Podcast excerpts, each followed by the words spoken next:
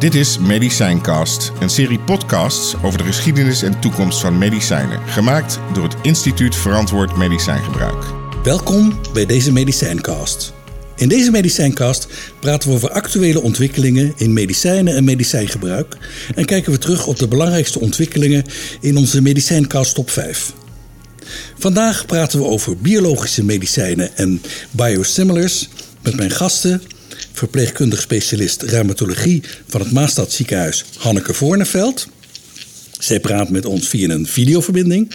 En hier in de studio zit voormalig ziekenhuisapotheker professor Arnold Vulto, voorzitter van Biosimilars Nederland en adviseur van het IVM-project Biosimilars op maat. Mijn naam is Menno van Woerkom en ik werk bij het Instituut voor Verantwoord Medicijngebruik. Hanneke, zijn jouw patiënten aanmerkelijk beter af sinds de opkomst van biologische medicijnen? Uh, zeker, ja. Ik uh, ben al uh, 28 jaar werkzaam in de reumatologie. En in 1999 gingen wij de eerste patiënten behandelen met infliximab destijds. die patiënten namen we nog op op de verpleegafdeling. En het is echt zo dat patiënten in een rolstoel binnenkwamen en lopend de afdeling afgingen. Na drie dagen, hè? Jongen, ja, mooi, mooi. Arnold, van waar jouw belangstelling voor biosimilars? Dat is een, uh, een lijn die door mijn hele carrière heen loopt, uh, Menno. Uh, namelijk de betaalbaarheid van de zorg en de, aandeel van geneesmiddelen daarin. Geneesmiddelen die maken ongeveer 10% van de zorgkosten uit. En het zijn vooral nieuwe, nieuwe geneesmiddelen die nu op de markt komen die ons grote zorgen baren. De kostenpost dure geneesmiddelen, zoals de Nederlandse Zorgautoriteit daarover rapporteert, die stijgt met meer dan 10% per jaar en bedreigt daarmee de betaalbaarheid uh, en de toegankelijkheid van de zorg. En die hoge prijzen van nieuwe geneesmiddelen worden voor een deel bepaald door het gebrek aan concurrentie van die nieuwe middelen. Want die worden beschermd door een patent. En dan lijkt het wel of de prijs ervan wordt bepaald door wat een gekke voor wil geven. En ik uh, kan je verzekeren, wij geven heel veel. Maar als dat patent verloopt, is dat feestje voorbij. En kunnen andere aanbieders het middel gaan maken. En als het wordt goedgekeurd door, door de Europese Geneesmiddelenbureau, mag het ook op de markt komen. Die kopiemiddelen zijn aanzienlijk goedkoper, soms kosten ze maar de helft of een kwart van het origineel. Nederland bespaart zo honderden miljoenen door gebruik te maken van even goede, maar veel goedkopere, merkloze varianten van dure merkgeneesmiddelen. Nou, en sinds 2005 verlopen er patenten van moderne biologische geneesmiddelen. Dat zijn steeds complexe middelen die gemaakt worden in levende systemen zoals cellen of bacteriën. Duur om te ontwikkelen en te maken. Maar met moderne technieken kunnen ze ook goed worden nagemaakt. En die kopiemiddelen van biologische middelen noemen we biosimilars. Omdat biologische geneesmiddelen van nature variabel zijn, kunnen ze nooit exact worden nagemaakt. Er is geen stabiel origineel. Het origineel is veranderlijk en bestaat ook nog eens uit een mengsel van moleculen met kleine verschillen. Maar bij het namaken wordt nauwkeurig getest of de werking en veiligheid van de biosimilar wel hetzelfde zijn. Pas als dat bewijs is geleverd, mag zo'n biosimilar op de markt komen. En nu, juni 2020, zijn er in Europa een kleine 60 biosimilars toegelaten en daarmee is de marktwerking flink op gang gekomen. We hebben uitgerekend dat wij jaarlijks in Nederland meer dan 300 miljoen euro uh, door het gebruik van biosimilars besparen. En daardoor is er geld vrijgekomen voor nieuwe, dure middelen en kunnen er meer patiënten behandeld worden met de bestaande middelen. Dat betekent wel dat sommige patiënten moeten overstappen van het, eh, van het originele merkmiddel op de biosimilar. En dat veroorzaakt soms onzekerheid. En die onzekerheid moeten we serieus nemen. En daar gaan we het in deze podcast over hebben. Dankjewel, Arnold. Hanneke, kom jij in de praktijk veel onzekerheid tegen? Zeker. Uh, wij hebben uh, eigenlijk uh, sinds een jaar of twee uh, dat wij mensen omzetten. In eerste instantie waren dat vooral, vooral de intraveneuze biologicals. En tegenwoordig hebben we ook een aantal subcutane varianten die als biological verkrijgbaar zijn. En wij zien wel dat patiënten in eerste instantie, niet allemaal, maar een, een, groep patiënten daar heel erg huiverig voor is. En ook het idee heeft dat het uh, goedkoper is, dus minder kwaliteit, dus slechter zal werken. Prima, ehm, prima, daar gaan we het zo meteen over hebben, Anneke. Ik wil nog even terug naar Arnolds inleiding. Dank je wel daarvoor. Je vertelt dat dat biologische geneesmiddelen complexe geneesmiddelen zijn die gemaakt worden, gemaakt worden in levende systemen. Dat lijkt me best een gedoe. met nogal wat onzekerheden. Waren die kleine moleculen op dat we nu en naar biologicals gaan? Ehm, nee, daar was een andere reden voor, Menno. Ehm, het repertoire uh, van, van aangrijpingspunten met chemische middelen... dat was zo'n beetje aan, aan, het eind van zijn Latijn gekomen. En die biologische middelen die hebben het mogelijk gemaakt... om effecten teweeg te brengen... die je met chemische stofjes niet voor elkaar kunnen krijgen. Het begon bijvoorbeeld met insuline. Dat kun je chemisch niet maken. Hm. We zijn wel een eind op weg om dat te doen, maar dat kun je chemisch niet maken. En zo konden we ineens uh, diabetes gaan behandelen met een veel zuiverdere vorm van insuline. Toen kwamen de bloedgroeifactoren zoals EPO en vervolgens groeihormoon, waarbij we vroeger een risico hadden dat er infecties in, uh, meekwamen met het product. En in een later stadium konden we met antistoffen specifieke eiwitten blokkeren. Dat was de volgende grote doorbraak dat we op basis van onderliggende kennis van ziekte konden we bepaalde ziekteprocessen nu ineens doorbreken of, uh, of blokkeren. En dat hadden we daarvoor uh, nog nooit kunnen doen met chemische middelen. Is dat een ingewikkeld uh, proces als je dat in cellen of in bacteriën moet maken? Eh, ja, dat mag je wel zeggen. Want wat we in feite aan het doen zijn, is dat we het genetische repertoire, dus het DNA in een cel, gaan omprogrammeren, zodat hij van zijn eigen natuurlijke stoffen ineens een ander stofje gaat maken. Dus we hebben die levende cellen of bacteriën, dat zijn ook levende cellen nodig. Die worden met genetische technieken geherprogrammeerd om juist die stofjes te maken die we graag willen hebben. En het is een eigenschap van cellen dat ze steeds een mengsel maken van sterk gelijkende stofjes die ongeveer hetzelfde doen. Dus ze maken niet één stofje, maar een heel uh, repertoire van vergelijkbare stoffen. En dat varieert dan ook nog eens van dag tot dag. En als we nou die cellen gaan opzuiveren en gaan kweken, dan zien we dat ook nog steeds gebeuren. En wat erger is, dat de ene batch ziet er weer anders uit dan de andere. Dat betekent twee dingen. In een potje met een biologisch geneesmiddel zit altijd een mengsel van nauw verwante moleculen. Dus iemand zegt van daar zit trastuzumab in voor borstkanker, dan zeg ik altijd van nou ja, een handjevol van verschillende moleculen die op elkaar lijken. En het tweede is, bij een volgende batch is dat weer anders. Dus die variabiliteit maakt dat het lastig is om dat te kopiëren. Duidelijk, duidelijk. Um, Hanneke, als je deze uiteenzetting hoort over uh, biologische geneesmiddelen, is, is, is dat kennis die je nodig hebt in de praktijk? Moet je dat uit kunnen leggen?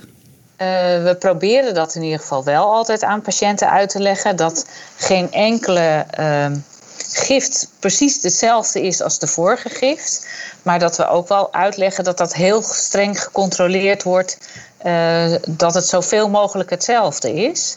En dat gebruiken we ook wel met het vergelijken met de biosimilars.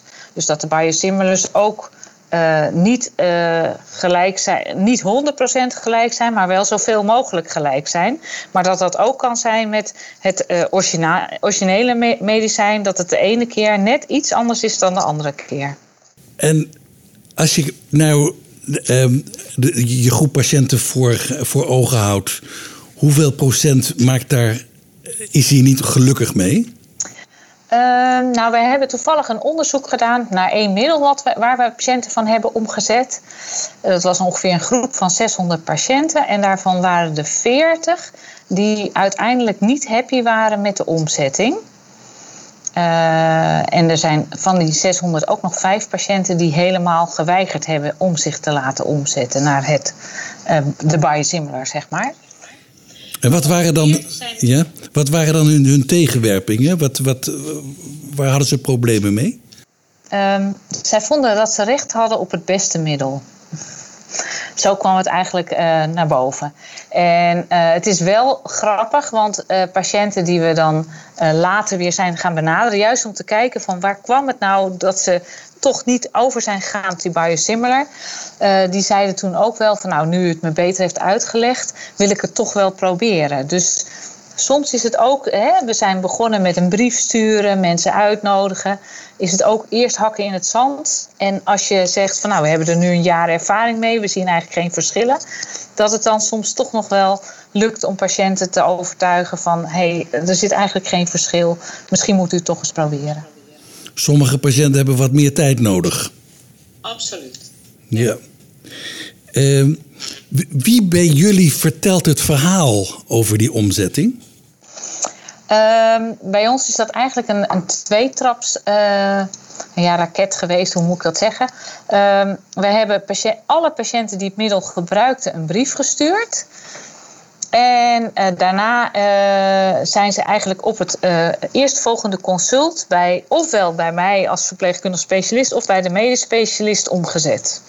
En dan bespreken we het dus nog een keertje van nou vanaf nu gaan we u in plaats van de originele medicijn gaan we u de biosimilar voorschrijven. Overigens is het ook zo dat het wel gebeurde dat mensen met een herhaalrecept bij onze polytheek kwamen voor de subcutane medicatie. En dat daar soms gezegd werd van we hebben een ander middel, maar het is hetzelfde, dat krijgt u mee. Soms was dat voldoende, was er geen, was er geen veldje aan de lucht. Als patiënten bezwaar maakten, kregen ze nog een keer het originele medicament, totdat ze op de polykliniek uh, op het uh, consult waren geweest. En er is dus uit het onderzoek, uh, waren er 40 die daar problemen mee hadden, van de 600. Uh, uiteindelijk was er dus een groep die, die niet wilde omschakelen. Is dat een groot probleem? Wat vinden jullie daarvan? Nou ja, wij zijn wel gaan kijken in die groep van de mensen die zeg maar zeiden van ik heb veel meer klachten of ik heb bijwerkingen of dat soort dingen. Zijn we gaan kijken wat zijn dat dan voor bijwerkingen. En ehm, ons, uh, we, we, hebben ook gekeken naar ziekteactiviteit bij die groep mensen. En er kwam eigenlijk niet uit dat de ziekteactiviteit toenam. Dus het hebben van meer klachten was meer uh, subjectieve klachten in die zin, dan dat het he, echt uh, meer klachten waren van de, de ziekteactiviteit wordt veel actiever. Dus wij gaan toch wel een beetje uit van toch een soort nocebo-effect. Van ik heb een ander goedkoper middel gekregen en dat werkt minder. Kan je nog even uitleggen wat een nocebo is? Nocebo-effect? Nou, dat is, uh, ja, ik, ik, weet niet of ik het helemaal goed uh, omschrijf, maar misschien kan. Anders vragen we het aan Arnold. Uh, aanvullen. Het is vooral het effect wat mensen hebben met het idee van het is niet het originele middel, dus het, het werkt minder en daardoor heb ik klachten. Ken je dat effect uit het onderzoek ook uh, rond biosimilars, uh, Arnold? Jazeker, uh, Menno. We hebben daar ook een heel groot review over geschreven. We hebben de hele literatuur uitgeklopt en dat bekeken. En het nocebo-effect is, is zo oud als de weg van Methuselem. ik, als ik het mijn studenten uit moest leggen, dan zei ik altijd van nou, als je een patiënt zegt van nou, ik weet het niet goed, ik heb dit wel eens gedaan en ja, misschien zou het kunnen helpen, dan werkt een geneesmiddel minder goed als dat ik tegen diezelfde patiënt zeg van nou, dat probleem wat u nu heeft, dat heb ik vorige, heb ik vorige week of vorige maand gezien, heb ik dat en dat voorgeschreven. Dat hielp fantastisch. Met hetzelfde middel gaat het in de tweede instantie veel beter helpen. Dus de psychologische verwachting van de patiënt draagt bij aan de effectiviteit, maar ook aan het ervaren van bijwerkingen. En dat noemen we het nocebo-effect. Dat zijn de effecten die, niet, die niks te maken hebben met de farmacologie, maar met de psyche van de patiënt. En ik zeg niet dat die patiënt dat die raar in elkaar zit. Nee, het is gewoon een verwachtingspatroon. Wij praten over biologische medicijnen en biosimilars. En we gaan nu iets doen wat wij in elke medicijncast doen. Dit is de Medicijn Top 5. De belangrijkste medicijnen van de afgelopen 25 jaar. Iedere medicijncast vragen we onze gast welk nieuw geneesmiddel de afgelopen 25 jaar de meeste impact heeft gehad. Om ergens te beginnen hebben we de vijf meest afgeleverde middelen op een rijtje gezet. En we zijn inmiddels bij podcast, podcast nummer 4. En de top 5 ziet er nu als volgt uit. Op nummer 1 psychofarmaca. Op nummer 2 clopidogrel en de DOAX, antistollingsmedicijnen.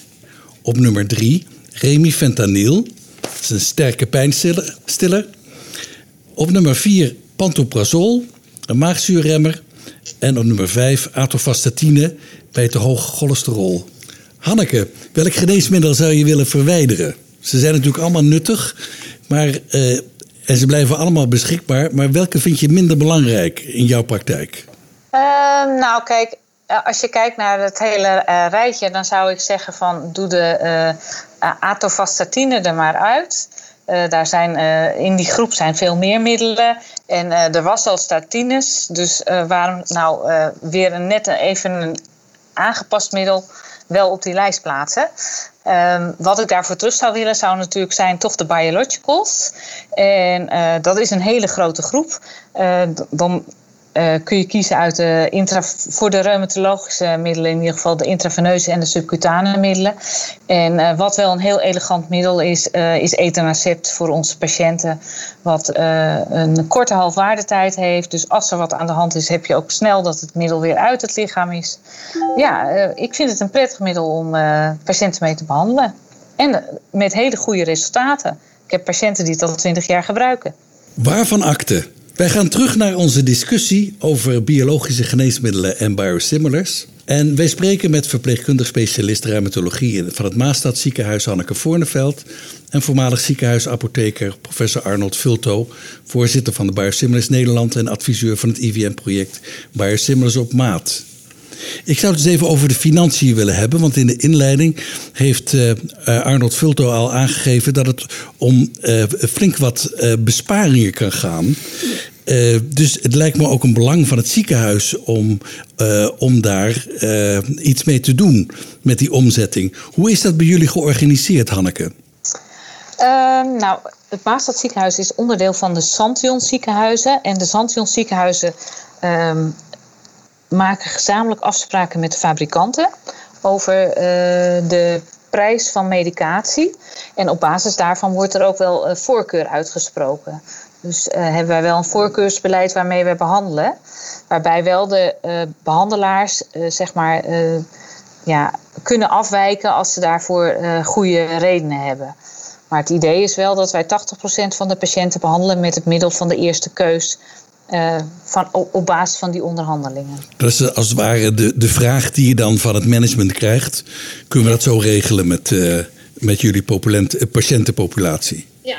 ja. Ik moet zeggen dat ik dat zelf soms heel ingewikkeld vind. In die zin dat ik het raar vind dat een ziekenhuis 10 kilometer verderop een hele andere prijs betaalt voor de, het geneesmiddel dan wij. En dat kan soms echt wel honderden euro's per injectiespuit verschillen. En voor patiënten is dat ook soms lastig uit te leggen. Ja, want die patiënten die horen dat kennelijk. Ja. Weet jij hoe dat zit, eh, Arnold, met die verschillende prijzen? Ja, wat ik al zei, eh, de prijs van een geneesmiddel is wat de gek ervoor geeft. Uh, en dat, is, dat is gewoon handel. En Hanneke heeft uh, het voordeel dat zij aangesloten, het ziekenhuis van Hanneke is aangesloten bij de Santion Groep. En die hebben gewoon hele goede onderhandelaars die dat goed uitonderhandelen met de industrie. En andere ziekenhuizen hebben dan, stellen dan andere prioriteiten daarbij. Uh, ja, en wat dan precies de reden is waarom het ene ziekenhuis zoveel meer betaalt dan de andere, dat weet ik ook niet precies. Het is wel aardig gelijk getrokken onderhand hoor. Uh, uh, maar als op een gegeven moment een ziekenhuis de, kiest voor een biosimilar van één molecuul en minder nadruk legt op het onderhandelen op een ander molecuul, ja, dan is het volume aan patiënten wat ze aanbieden anders en daardoor krijgen ze minder korting. Dus dat is wel een verklaring daarvoor. Hanneke, het werk voor die omzetting ligt natuurlijk wel bij jou en je collega's. Zijn die er wel blij mee?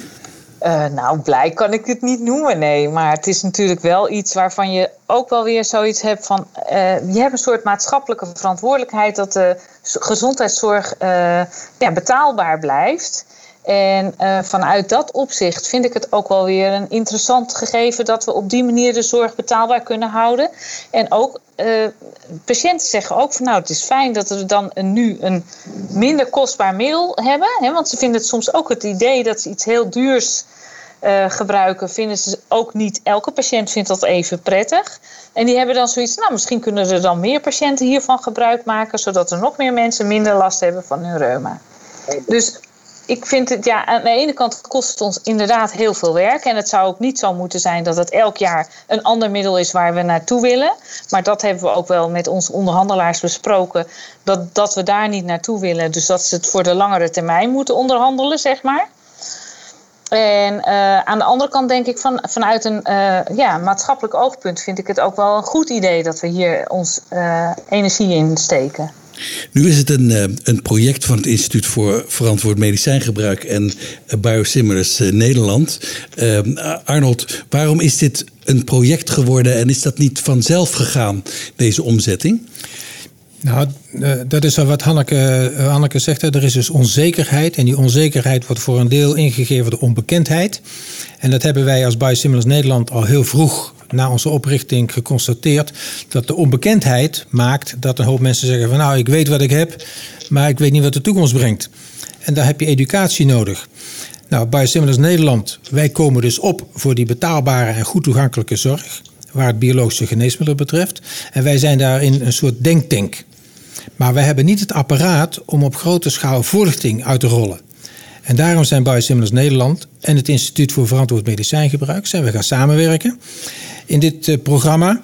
En het ministerie van VWS vond dat een goed idee en heeft daar ook een forse subsidie voor gegeven. Om dat mogelijk te maken. En dat is dus biosimilars op maat geworden. En bijna alle ziekenhuizen in Nederland zijn inmiddels aangesloten bij dit programma. En we kunnen dus spreken van een groot succes.